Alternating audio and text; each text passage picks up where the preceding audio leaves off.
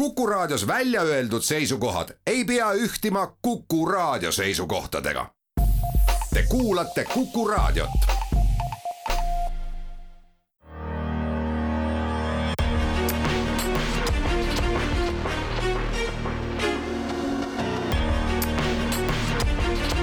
välismääraja tere ja ilusat pühapäeva hommikut Kuku raadio Välismääraja saate kuulajatele. Tänases saates äh, olen valinud äh, teemaks, mida arutada riigi, millest äh, periooditi ikka ja jälle äh, ka maailma globaalpoliitika tasandil juttu tuleb. Ja täna räägime Põhja-Koreast. Äh, ausalt öelda olen äh, üritanud Põhja-Korea asjatundjat Erki Loigomit kes Välismääraja saates ka varem Põhja-Koreast on rääkinud juba päris pikalt, äh, siia Kuku äh, stuudiosse äh, meelitada ja seekord siis see õnnestus. räägime sellest, mis Põhja-Koreas kui riigi sees toimub,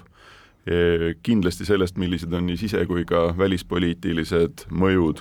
seoses Covidiga, mis väidetavalt siis ka nüüd alles nüüd on Põhja-Koreasse jõudnud vaatame ka, kas see on päriselt tõsi või mitte, ja kõikvõimalike rahvusvaheliste sündmustega, mis ühte või teistpidi seda noh, ma ütlen maailma arvatavasti kõige isoleeritumat ja ka kõige rohkem sanktsioneeritud, sanktsioneeritumat riiki kuidagi mõjutavad. niisiis, Erki, tervist! tervist! ja mina saatejuht Hannes Hanso. no Erki, nagu sissejuhatuses juba öeldud, et äh, tavaliselt ilmub Põhja-Korea rahvusvahelisse või rahvusvahelise sellise meedia ja avalikkuse huviorbiiti Äh, mingisuguste vastuoluliste või ebameeldivate teemadega seoses äh, ja võtakski kõigepealt selle Covidi teema ette, et, et ülejäänud maailm on äh, ühes või teises vormis selle Covidiga elama õppinud. et, et maikuust alates siis teame, et see epideemia, mille olemasolu Põhja-Koreas nagu aastaid, mitmeid aastaid eitati, on siiski nüüd seal ametlikult ka olemas. et ole hea, et, et kas sa suudad raadiokuulaja jaoks lahti seletada, et äh, kui kaua see Covid äh, Põhja-Koreas päriselt on olnud ja milline see tänane olukord äh, on? No sissejuhatuseks, et tajuda seda, kui palju meil üldse mingit informatsiooni on, siis me tegelikult elame suhteliselt pimeaugus aastas umbes kaheksakümmend kaheksa, kaheksakümmend üheksa, üheksakümmend, kus täna töötab riigis üksikute selliste kummaliste riikide saatkondi veel Pakistan, Venemaa, Kuuba, Venezuela. meil ei ole ühtegi abiorganisatsiooni, meil ei ole ühtegi lääne uudisteagentuuri seal enam oma esindusega, sisuliselt me tegelikult usaldame seda, mida me näeme riigimeediast ja kuuleme nendelt saatkondadelt. see on nagu taustaks. et nüüd, kas see Covid oli seal või ei olnud, pigem tundub, kuigi alguses tundus see kummaline, et ei ole võimalik, et on selline suletus, kuid tegelikult mida aeg edasi, seda rohkem tundus, et see, et neil Covidit seal ei ole, oligi nii. Ja, ja selle tõttu noh, me esiteks vaatame Põhja-Koread, me peame geograafiliselt vaatama isegi suhteliselt nagu saareriigina, et ta on tõesti ennast ju isoleerinud.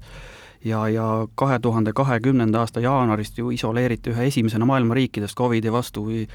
see naaberriigis Hiinas möllama hakkas, noh,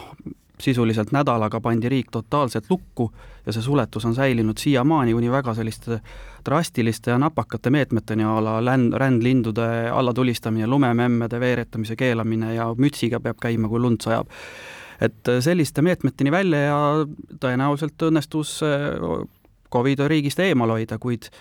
noh, kaubandussuhete mingisugusel taastumisel ja olgem ausad, ehk siis piiridelt vaatamata sellele selga tulistamise poliitikale, mis oli täiesti kasutuses ja on siiamaani kasutusel tegelikult, ikkagi inimesed piiri, piire ületasid ja, ja nii see Covid siia või sinna riiki ka siis jõudis. Äh, miks nüüd oli tarvis siis Põhja-Korea valitsusel siiski ka seda tunnistada, et epideemia on riiki jõudnud, Põhja-Korea teatavasti on riik, kus võib kõike eitada või äh, luua ükskõik milliseid rahva poolt väga palavalt armastatud illusioone ükskõik mis küsimuses? no need esimesed signaalid hakkasid tulema siiski, meil on praegu aprill eh, ja veebruarist aprillini on olnud väga palju ümmargusi tähtpäevi riigis, väga palju massiüritusi on olnud, erinevaid paraade, kongresse, seminare, tohutud inimmassid on liikvel ja kuna see epideemia ei alanud üldsegi mitte maapiirkondadest, kus tavaliselt haigused Põhja-Koreas levima hakkavad, vaid pealinnast endast ja, ja sellistes mastaapides tõenäoliselt, mis ei võimalda, ei võimalda seda eitada. Ja lisaks tajusin kohe esimestel päevadel, kui hakkas tulema neid ametlikke kinnitusi, et numbrid olid kohutavalt suured, mis välja käidi.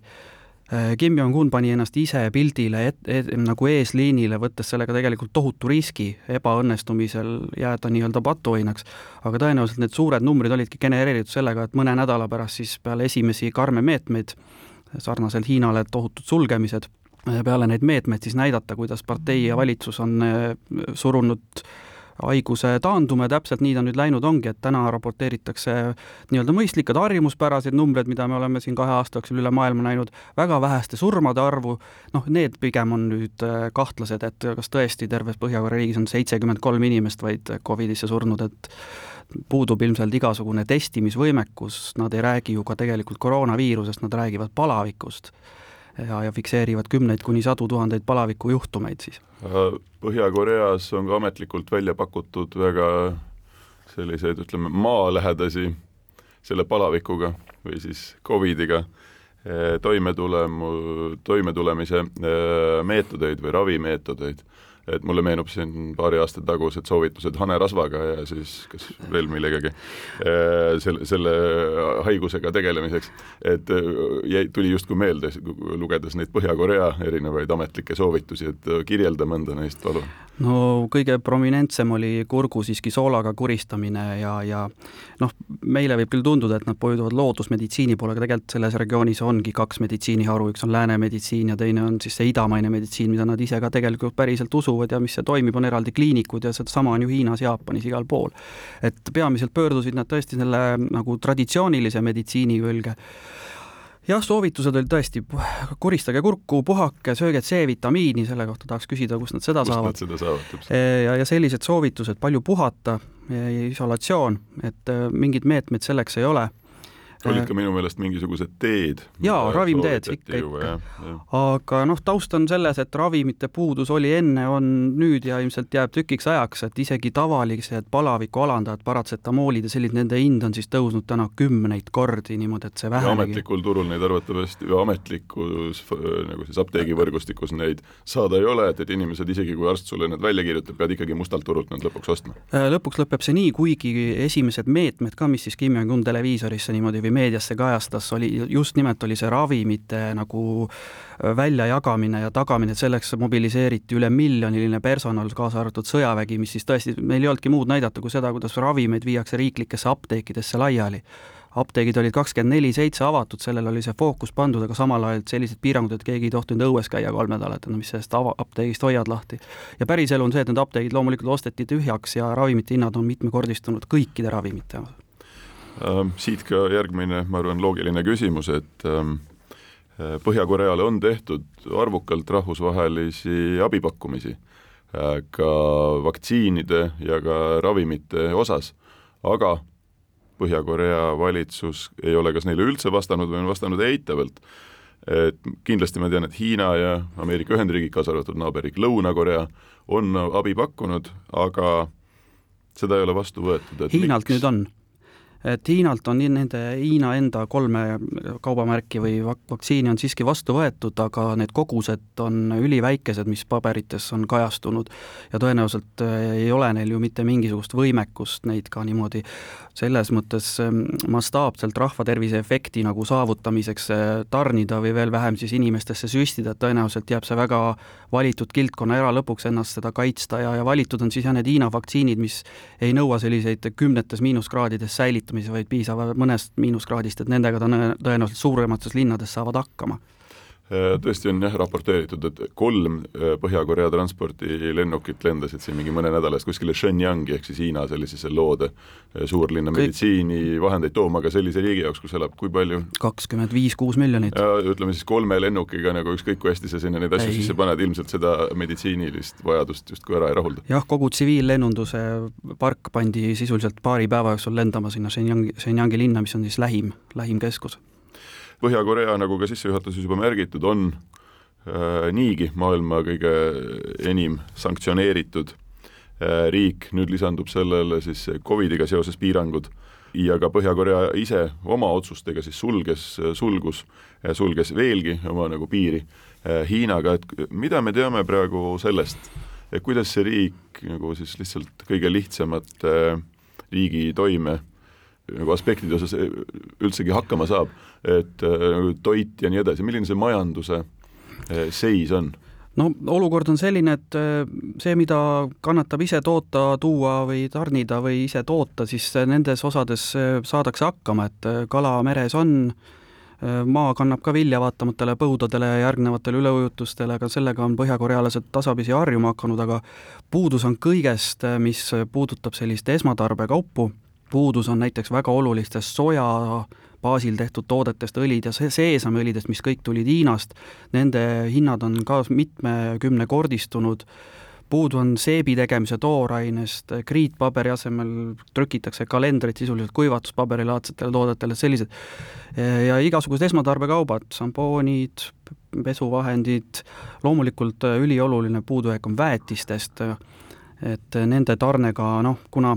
koroonameetmena Põhja-Korea lubas sisuliselt kaupa tuua riiki ainult laevadega mere peal toimuvate ümberlaadimistega, siis nende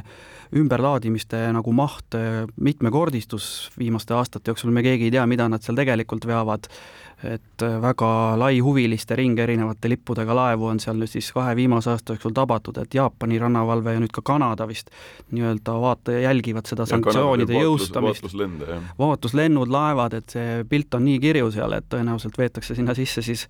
eh, nii palju, kui vähegi kannatab, et üks asi ongi äh, ametlikud sanktsioonid, mis on suisa ÜRO äh, tasandil vastu võetud, millele kirjutasid ka alla Hiina ja ka näiteks Venemaa, eks. enam mitte äh,. enam äh,, just, enam mitte,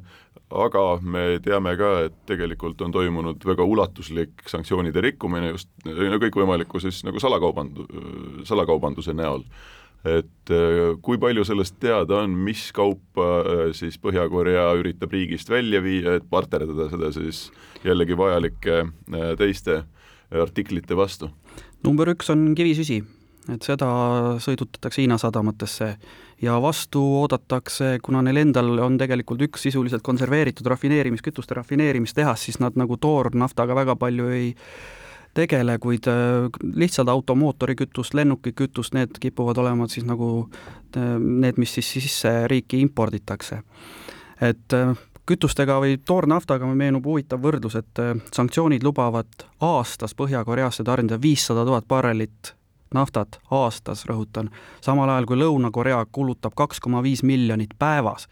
et see kütuste selline kriis on tõsine, mootorikütuste hinnad on ka tõusnud äh, vähemalt kaks korda ja noh, nende saadavus on maapiirkondades, pidi olema ikka äärmiselt kasin praegu äh, nimetasid, et Põhja-Korea enda äh, toidutootmise võimekus on siiski olemas. no kahtlemata mingis ulatuses see nii on samas me ju pidevalt kuuleme mingisuguste perioodide tagant jälle mm. nendest põudadest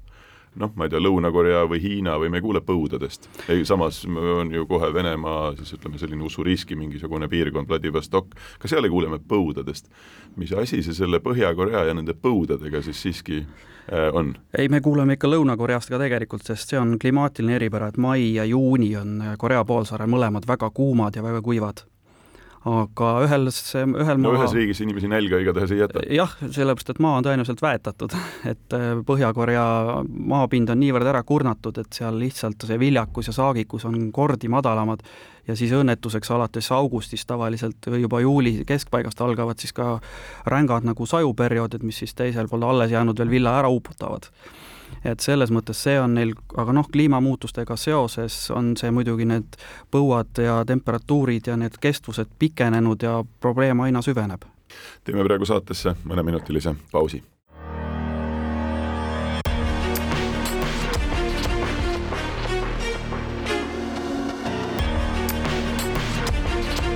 välismääraja tere tulemast tagasi Välismääraja lainele, tänases saates räägime äh, Põhja-Korea teemadel ja seda teemat on siin Kuku raadio Tallinna äh, stuudios kommenteerimas Põhja-Korea asjatundja Erki Loigom ja mina, saatejuht Hannes Hanso. jätkame põhimõtteliselt äh, sealt, kus pooleli jäi, et Põhja-Korea suudab mingil määral ka ennast ise toiduga varustada, aga puudus on praktiliselt kõigest, põuad ja nii edasi minu jaoks on huvitav küsimus see, et, et kui vaadata statistikat, siis käesolev aasta ehk kahe tuhande kahekümne teine aasta on aasta, mil on pretsedenditult palju tehtud taaskord äh, raketikatsetusi Põhja-Koreas. kaasa arvatud ballistilised raketid mille kogu, peale kogu spekter. kogu spekter, jah, äh, mis mõistetavalt ärritab äh, Jaapanit, ärritab Lõuna-Koread, kindlasti mingil määral ka USA-d äh,, arvatavasti ka Hiinat äh,, et ähm, ole hea äh,, kui kõik on Põhja-Koreas nii halvasti ja ressurss on, ressurssi inimeste toitmiseks on vähe ja poes ei ole seepi, aga need raketid on ikka paganama tähtsad, et äh, miks seda raketiindust äh, nii intensiivselt arendatakse ja ka katsetatakse, mis loogika selle taga on? see on huvitav paradoks jah, et kui piisanuks mõned aastad tagasi Põhja-Koreal teha üks-kaks sarnast katsetust, mida nad see aasta on läbi viinud kaheksateist juhtumit, siis ilmselt oleks see olnud esiuudis, aga täna me, nad, nad nagu enam ei ületa nende isegi mitte kontinentide vaheliste rakettide katsetustega, tihtipeale ei ületa enam uudiskünnist. Et äh, mis see loogika taga on selles, et esiteks on see kahe tuhande kaheksateistkümnendal aastal partei kaheksandal kongressil ette või võetud suunised oma kaitsevõime sellise ennaktempos arendamisel, lugesin noh, hinnangut, seda ei pea muidugi tõsiselt võtma, aga et e-, ainuüksi eelmine aasta need raketikatsetused pidanuks maksma suurusjärgus kuussada miljonit dollarit et see on tõesti mastaapne ja see pidi olema kolmandik umbes riigikaitsekulutustest, mis omakorda on nagu tegelikult äh, kaks miljardit aastas sellisel militaarkeskusel seal kaitsekulutused on tegelikult üsna madal. et äh, tuumarelvad ja massihävitusrelvad on tõenäoliselt kõige odavam kaitsemeede endiselt, mida siis see suutlikkus on arendada, et seda mitmemiljonilist armeed nad ei, uuendada ei jaksa. ja selles mõttes on, teisalt on jälle loogika selle taga,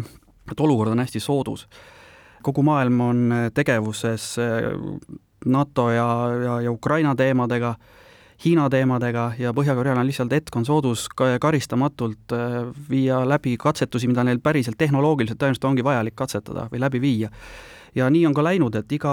katsetuse järel üritatakse neid jälle järjekordselt sanktsioone peale panna, aga tavaliselt puudutavad need kahte mõnda või kahte-kolme Vene ettevõtjat, kes on siis tarninud mingisuguseid raketiosi või metalle, kogu lugu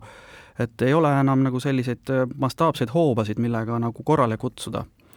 Kas see Põhja-Korea võimekus nüüd nende programmidega ka ballistiliste ja nagu sa nimetasid, ka kontinenti, kontinentide vaheliste rakettide arendamisega edasi minna, on nüüd täielikult puhtalt siseriiklik. no sa nimetad mõnda venelast, kes mõni riik, no siiski arvatavasti peab selles veel mingisugust rolli mängima Äh, kas siis teadlikult või teadmata, aga, või on tänaseks kogu võimekus tõesti Põhja-Koreal selliseid asju teha olemas? no varasemalt ja juba dekaade on kestnud koostöö Iraaniga, et need raketid ju näevad nagu, nagu kaksikud välja ja lihtsalt teiste nimedega, et see koostöö on kindlasti ole, olemas olnud, kuidas Covid sellesse nüüd korrektuure on teinud, jääme võlgu vastuse Äh, loomulikult ka Põhja-Korea algsed kõik prototüübid põhinevad ju Nõukogude Liidu toodangul, et nende edasiarendustega meil sageli tegemist on. et loomulikult see, ei suuda nad neid osi kõiki ise toota loomulikult, et need, seal on suurem seltskond nagu haaratud kaasa, aga edusammud on ju silmnähtavad olnud, et me ei saa seda keegi eitada. Kui kaugele need kontinentide vahelised raketid siis lasta võivad, et katsetused on toimunud ja on toimunud mõned ebaõnnestumised, on toimunud ka edukad katsetused, mida me teame? no nad katsetavad neid üldiselt sellistel trajektooridel, mis ei ole nagu reaalses lahinguolukorras ei tehta niimoodi, et nad lasevad neid täna hästi otse ülesse, et nad kukuksid sinna Jaapani ja Korea vahelisse merre nii-öelda turvaliselt, kuigi siin lennuohutusametid on kõik naaberriikides tagajalgadel nende katsetuste nagu pärast. et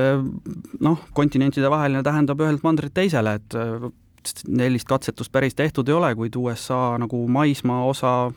ülemine loodenurk peaks olema ka küll igati kättesaadav nendele rakettidele, aga no me ei pea võib-olla see USA konfrontatsiooni üldse nagu ülearu tõsisena võtma, me peame ikkagi mõtlema tegelikult rohkem nagu Lõuna-Korea ja Jaapani kontekstis, et siin-seal on Lõuna- või Põhja-Koreal täna võimekus lühikese aja jooksul palju pahandust korraldada olemas. Äh, noh, seesama pinge on ju üleval olnud noh, dekaade, äh, Lõuna-Korea ja, ja Põhja-Korea, eks Lõuna-Korea pealinn Seoul on äh, Põhja-Korea piirist, ma ei tea, mingi kaheksakümmend kilomeetrit. Pole sedagi. mida, midagi mm. sellist, et põhimõtteliselt ei ole tarvis nagu väga high-tech relvastust, et ei. seda, et seda rünnata, samas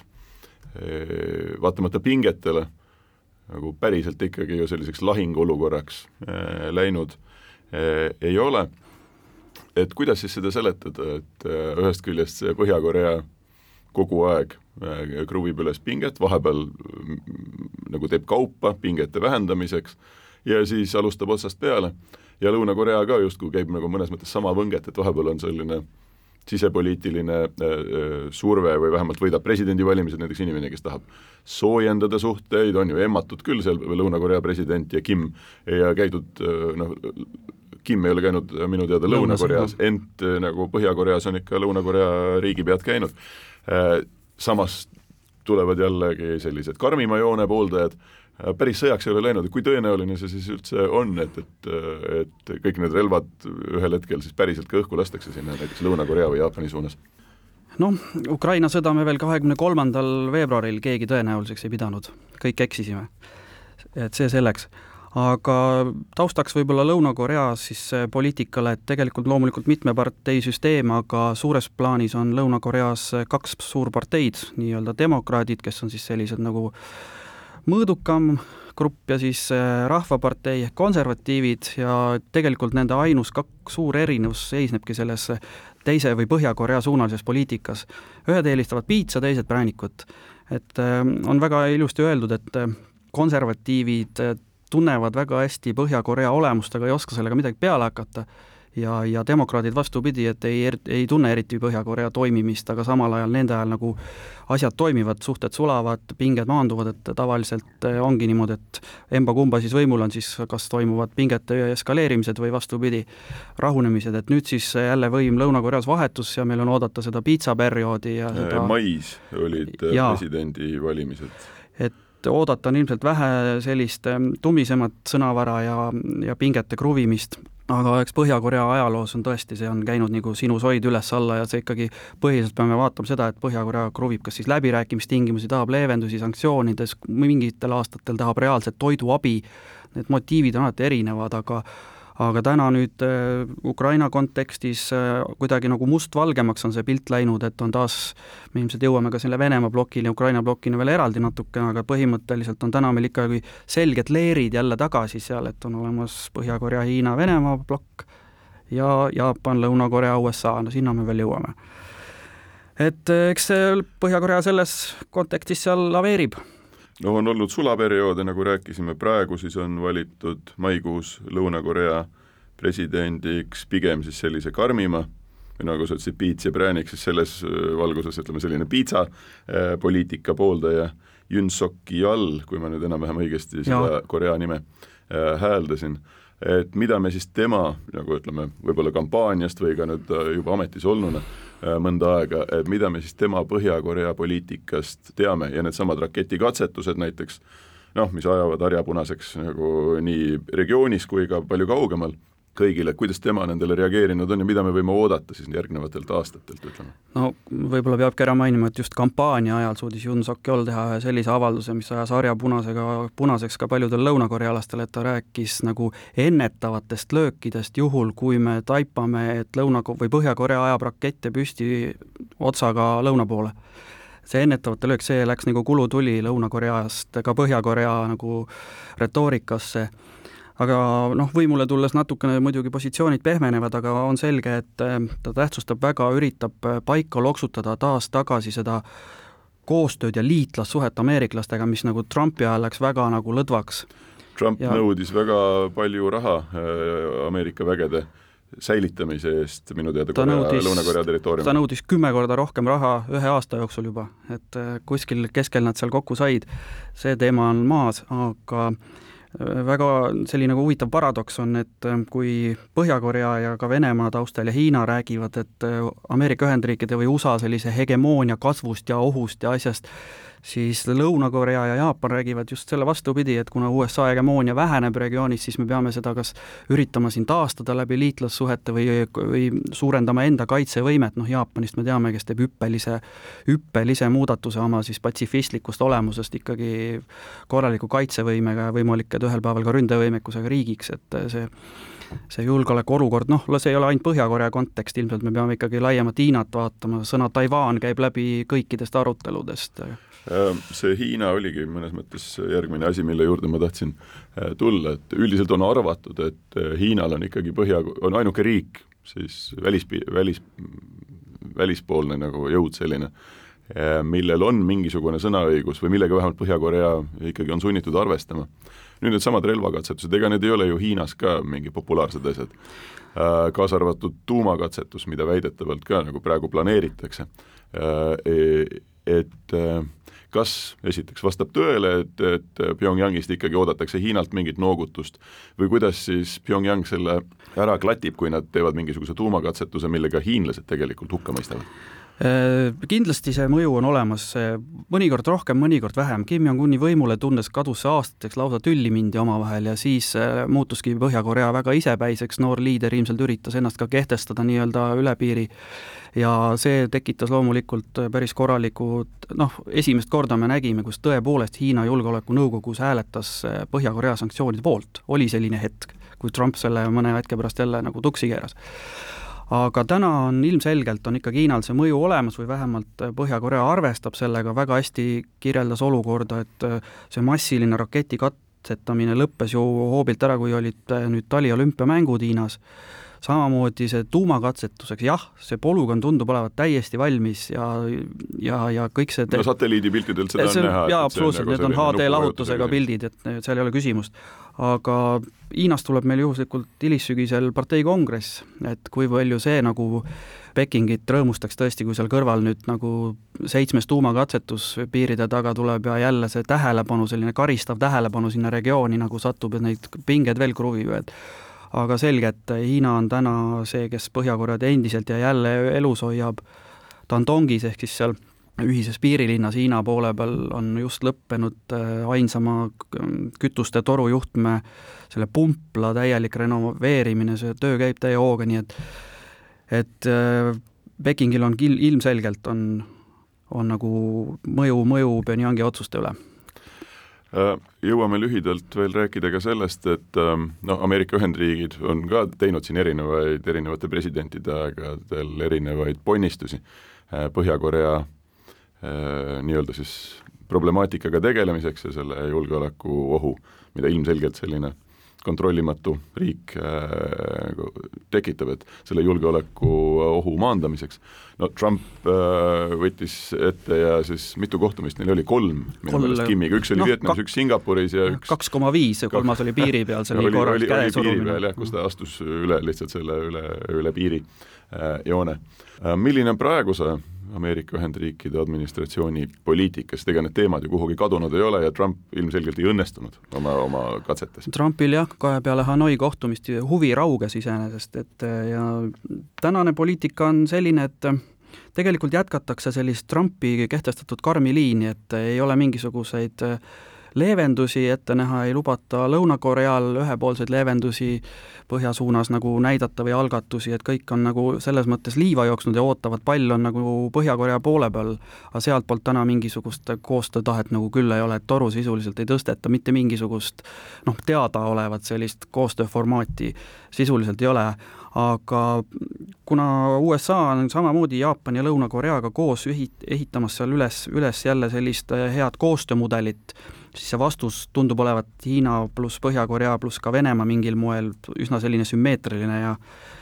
ja Põhja-Korea on ilmselt pildis mingil hetkel tagasi. teeme praegu saatesse lühikese makstud teadaannete pausi.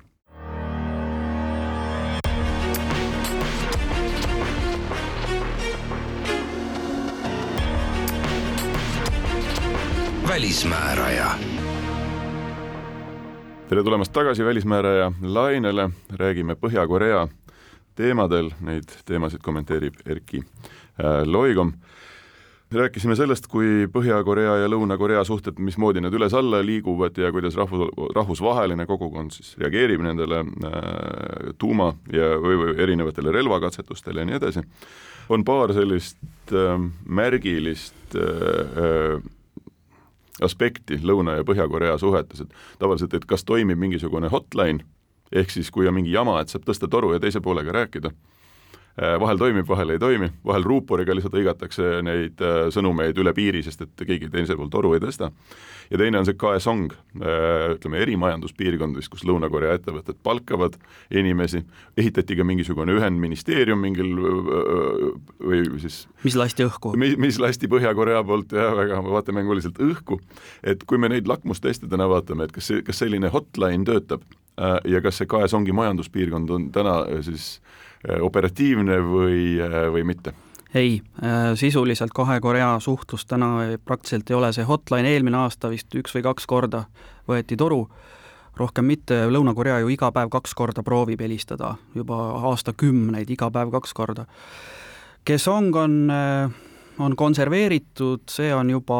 võin eksida, kas kahe tuhande kuueteistkümnendast või seitsmeteistkümnendast aastast tegelikult on seal tegevus lõppenud. Lõuna-Korea on oma ettevõtjatele selle kahju kompenseerinud ja, ja Põhja-Korea sõjavägi haldab täna seda piirkonda, et seal sisuliselt see projekt kahjuks on tõenäoliselt lõppenud, noh, kuna tegemist on uue sisseseadega ja moodsa taristuga, siis see on võimalik ka taaskäivitada, kui peaks jälle paremad ajad tulema aga üldiselt on see projekt korstnasse kahjuks kirjutatud, et see andis, noh, loomulikult andis ta Põhja-Korea režiimile tänu kummalistele, kuidas seal palka maksti, noh, pikem jutt, et seal ei makstud töötajatele palka, seal maksti ikkagi Põhja-Koreale. maksti riigile, kes siis omakorda maksis midagi. midagi just, aga teisalt tal oli loomulikult suur selline mõju, et need ligi parimatel päevadel viiskümmend tuhat põhjakorealast, kes seal töötasid, siiski nägid moodsat taristut, moodsat töökeskkonda, selline see info levis ja teenisid kuuldavasti ka natukene üle Põhja-Korea Põhja-Korea keskmise, nii et selles mõttes oli see väärtuslik projekt. Äh, Põhja-Korea äh, tööjõu eksport on tegelikult üsnagi laialt levinud riigi ühe sissetulekuallikana, äh, muuhulgas näiteks Venemaal, aga ka mingites Araabia riikides, Aafrikas, Hiinas kindlasti, olen kuulnud, et ka Mongoolias vähemalt mingitel perioodidel kas sa oskad kommenteerida, et sissetulekuallikana, noh täna Covid ja isolatsioon ja sanktsioonid ja kõik see, et mis selles valdkonnas toimunud on, kas see on jätkuvalt Põhja-Korea ütleme siis nagu välisvaluuta teenimise vahendina nagu oluline komponent? vahepeal oli vähem, kuna ka Venemaa liitus nende sanktsioonidega, kus nad pidid tööjõu tagasi saatma, kuid sisuliselt mõne kuu pärast leiutati tudengiviisade süsteemid ja kõik jätkus et äh, Venemaa et, äh, äh, Siberi metsades langetati siis metsa tudengite poolt tu,? jah, tudengite poolt, kes olid siis väljaõppel või kursustel. aga ehitussektor Kaug-Idas on endiselt tegelikult, põllumajandus on hiinlaste korraldada ja ehitussektor on Põhja-Korea tööliste nagu käes et see mass ei ole seal üldsegi vähenenud ja ilmselt on oluline sissetulekuallikas ja ka Vene, vahepeal, kui neid oli seal vähem, siis läksid hinnad, ehitushinnad väga kõrgele üles ja ka Vene nagu tarbija hääletas jalgadega aga jah, endiselt töötatakse laheriikides, palju Aafrikas, et, et see on alles, kindlasti see mastaap on vähenenud. Hiinas on kümneid tuhandeid inimesi, aga koju ei ole pääsenud üle kahe aasta mitte keegi. et Põhja-Koreast tagasi koju ei ole inimesed saanud. väljapoole jälle uusi brigaade pannakse aeg-ajalt kokku, saadetakse välja, aga koju ei ole tuldud. räägime äh, natuke ka Põhja-Korea ja Vene äh, suhetest, et praeguse Ukraina-Vene äh, sõja Äh, tegevuse taustal on Põhja-Korea osutunud üheks ikkagi vähestest riikidest, kes nagu täiesti avalikult toetab siis Venemaad, muuhulgas ka ÜRO Peaassamblee hääletustega ja nii edasi. mis neid äh, motiveerib? Äh, esmalt ütleme, et kodupublik Põhja-Koreas ei tea Ukraina sõjast või konfliktist mitte midagi. et seda otseselt öeldud, et Venemaa toimetab või selline kas või ütleme siis sõjaline erioperatsioon kuskil midagi toimub, sellest räägitud ei ole et äh,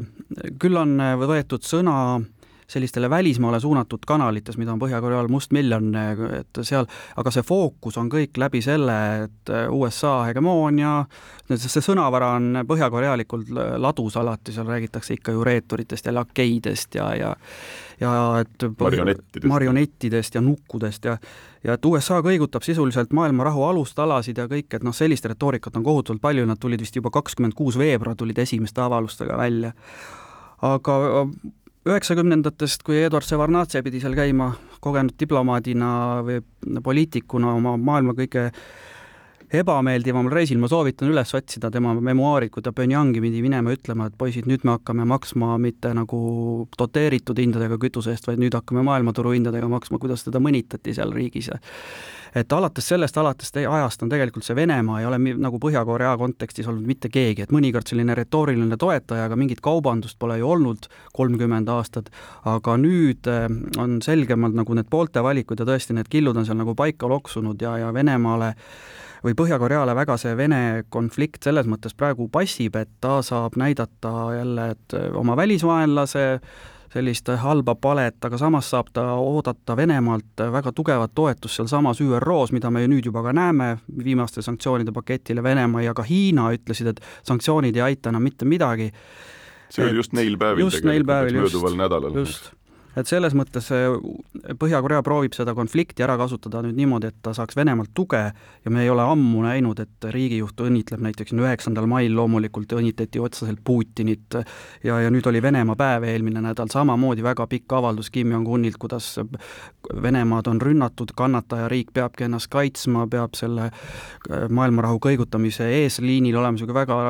mahlakas tekst. Äh, no kurioosumite valdkonda samas äh küsimuses, nad õnnitlesid näiteks Elizabeth teist seitsmekümnenda trooni ja. aastapäeva puhul ametlikult, Põhja-Korea siis õnnitles Briti Põhja, neil... monarhi, ka päris huvitav. brittidega on neil natukene olnud erisuhe omamoodi juba aegade algusest, et äh, Briti saatkond on olnud sisuliselt see, koos Rootsi, Rootsi saatkonnaga Pyongyangis on olnud kaks sellist nagu lääne punkti või tugipunkti seal aastakümneid. räägime veel edasi teemal, et kui sisepoliitikas enne nimetasime, et, et,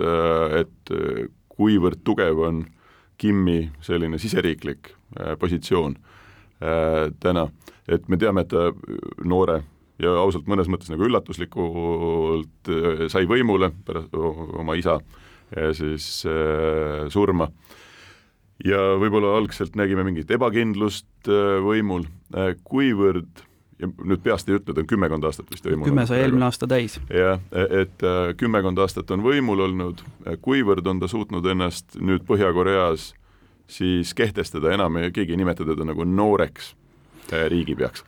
tundub, et hästi ja seda punkti siin analüütikud loevad, et see toimus kahe tuhande kuueteistkümnendal aastal toimunud seitsmenda kongressiga seoses, et kus ta siis äh, nii-öelda saavutas oma võimutäiuse, et see periood, see üleminekuperiood siis kaks tuhat üksteist kuni kaks tuhat kuusteist oli üsna verine tõenäoliselt, me nägime ikka väga suurt nagu kaadrivoolavus on see no, õige sõna, et jah, ütleme, et eesti keeles hukkamisi tõenäoliselt, täpselt nii. ja väga paljud, kui tihtipeale nad ikkagi ilmuvad mõne aasta pärast heast toitumusest tagasi kuskil ekraanil, siis sellest seltskonnast ei ole küll kedagi sisuliselt tagasi näha olnud et see oli ilmselt äh, noore liidid, ta veel otsis, me mäletame, et esimene aasta näidati isegi Rambot ja Miki Hiirt kuskil televiisoris, korra ta otsis seda teed seal, kas siis olla moodne läänelik äh, liider ja selline modernne ja üritada või, või naasta sinna sohu, kuhu ta siis nüüd on jälle naasnud, et et aga peale seda tundub, et äh, tema selline populaarsus sõltub ikkagi, number üks on see, kui palju ta suudab hirmuvalitsust seal korraldada, mida me näeme näeme nagu seadusandlusest, kõik, mis puudutab välismõjusid, on ikka nii kinni keeratud, et need ei ole kunagi Põhja-Koreas nii kinni keeratud või karistused nende eest on nii kohutavalt suured ja just selle noorsooga üritatakse tegeleda, kes siis kipub nagu vähe vasakule vaatama või üle piiride vaatama, et see pool annab selgelt märku, et ega ta kindlalt niimoodi ei saa ennast tunda. Ja eks tema nagu populaarsus sõltub ka sellest, kui palju ta seda ainelist heaolu ikkagi suudab seal inimestele tagada, et olgem ausad, et enne, enne koroonat ta suutis Põhja-Korealas elasid kopikas iga aasta paremini, aga koroona on teinud muidugi omad meetmed, aga need vastumeetmed Kim Jong-uni retoorikas on ka muidugi, koroona on ju ikkagi välisvaenlane, nagu öelda. Ameerika on välisvaenlane, et selle taha õnnestub nagu motiveerida inimesi konsolideeruma kindlasti, et et tema patust puhtaks. selle kohta ma ütlen ka, et alati muidu väga liidrikeskne kogu see retoorika olnud, liider, isa, õpetaja, siis ühel hetkel, kui raskused hakkasid tulema, siis hakkas minema partei, partei ja kollektiiv. jah, et seda isiklikku vastutuse Isiklik kadus vähemaks, tugevalt vähemaks. Ähm, no me näeme juba, et, et oli vanaisa, isa, poeg, et see perekonna komponent ka äh, seal Põhja-Korea poliitikas on tähtis, on igast onud ja tädid ja õed ja poolõed ja, ja poolvennad ja, ja, ja kõik see et ole hea, et äh, millised tema pereliikmed täna on kusagil, ütleme seal siis äh, selle võimu vertikaali üleval otsas või kõige tähtsamad isikud kuidagi?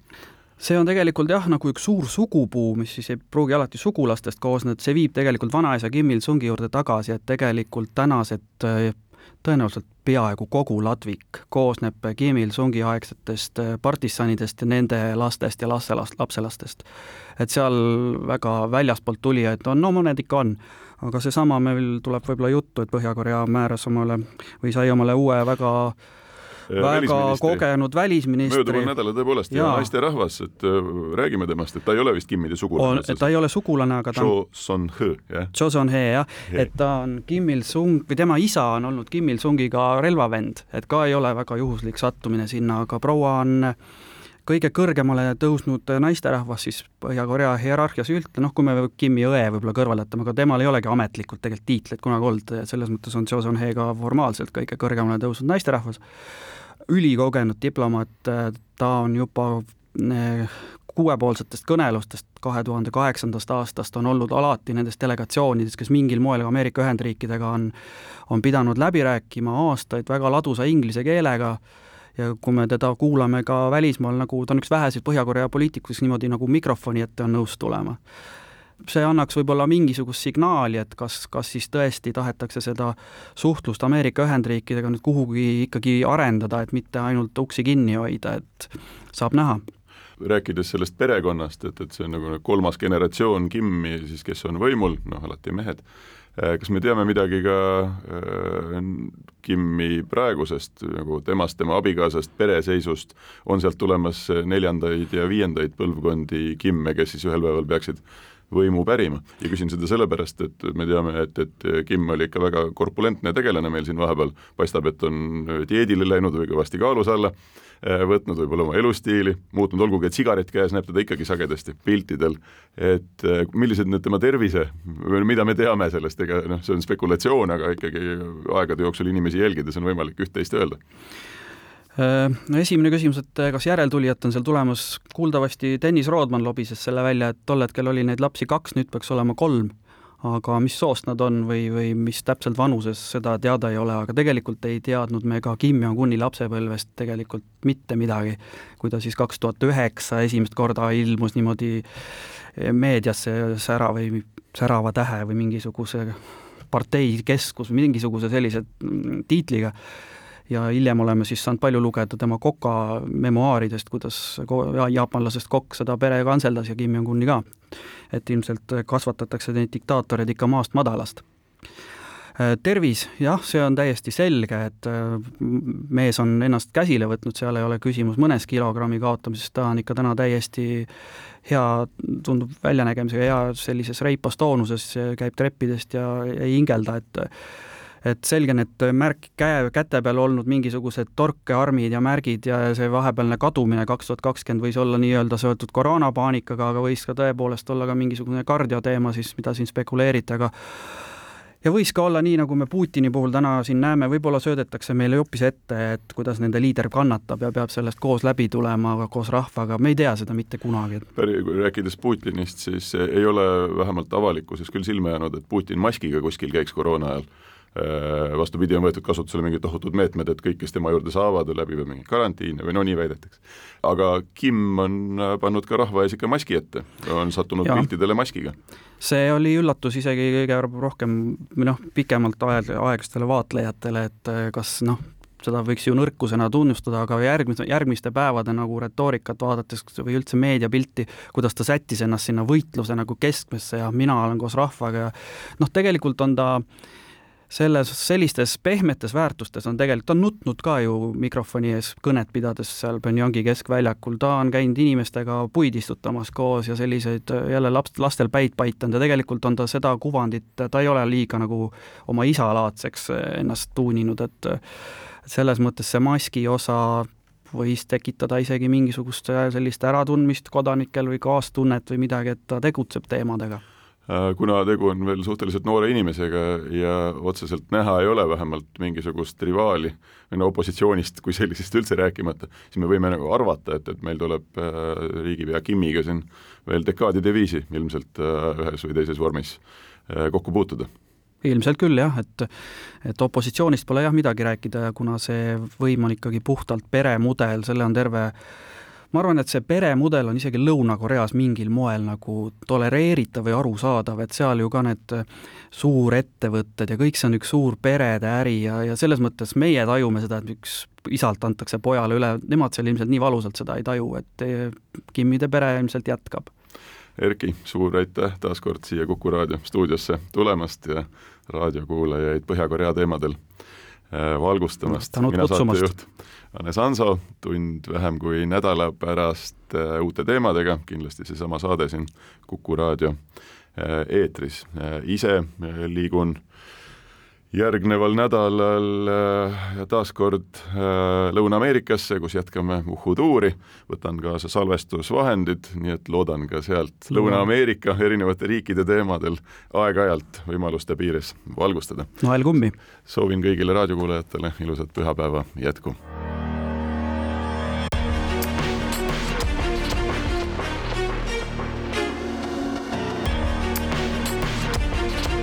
Välismääraja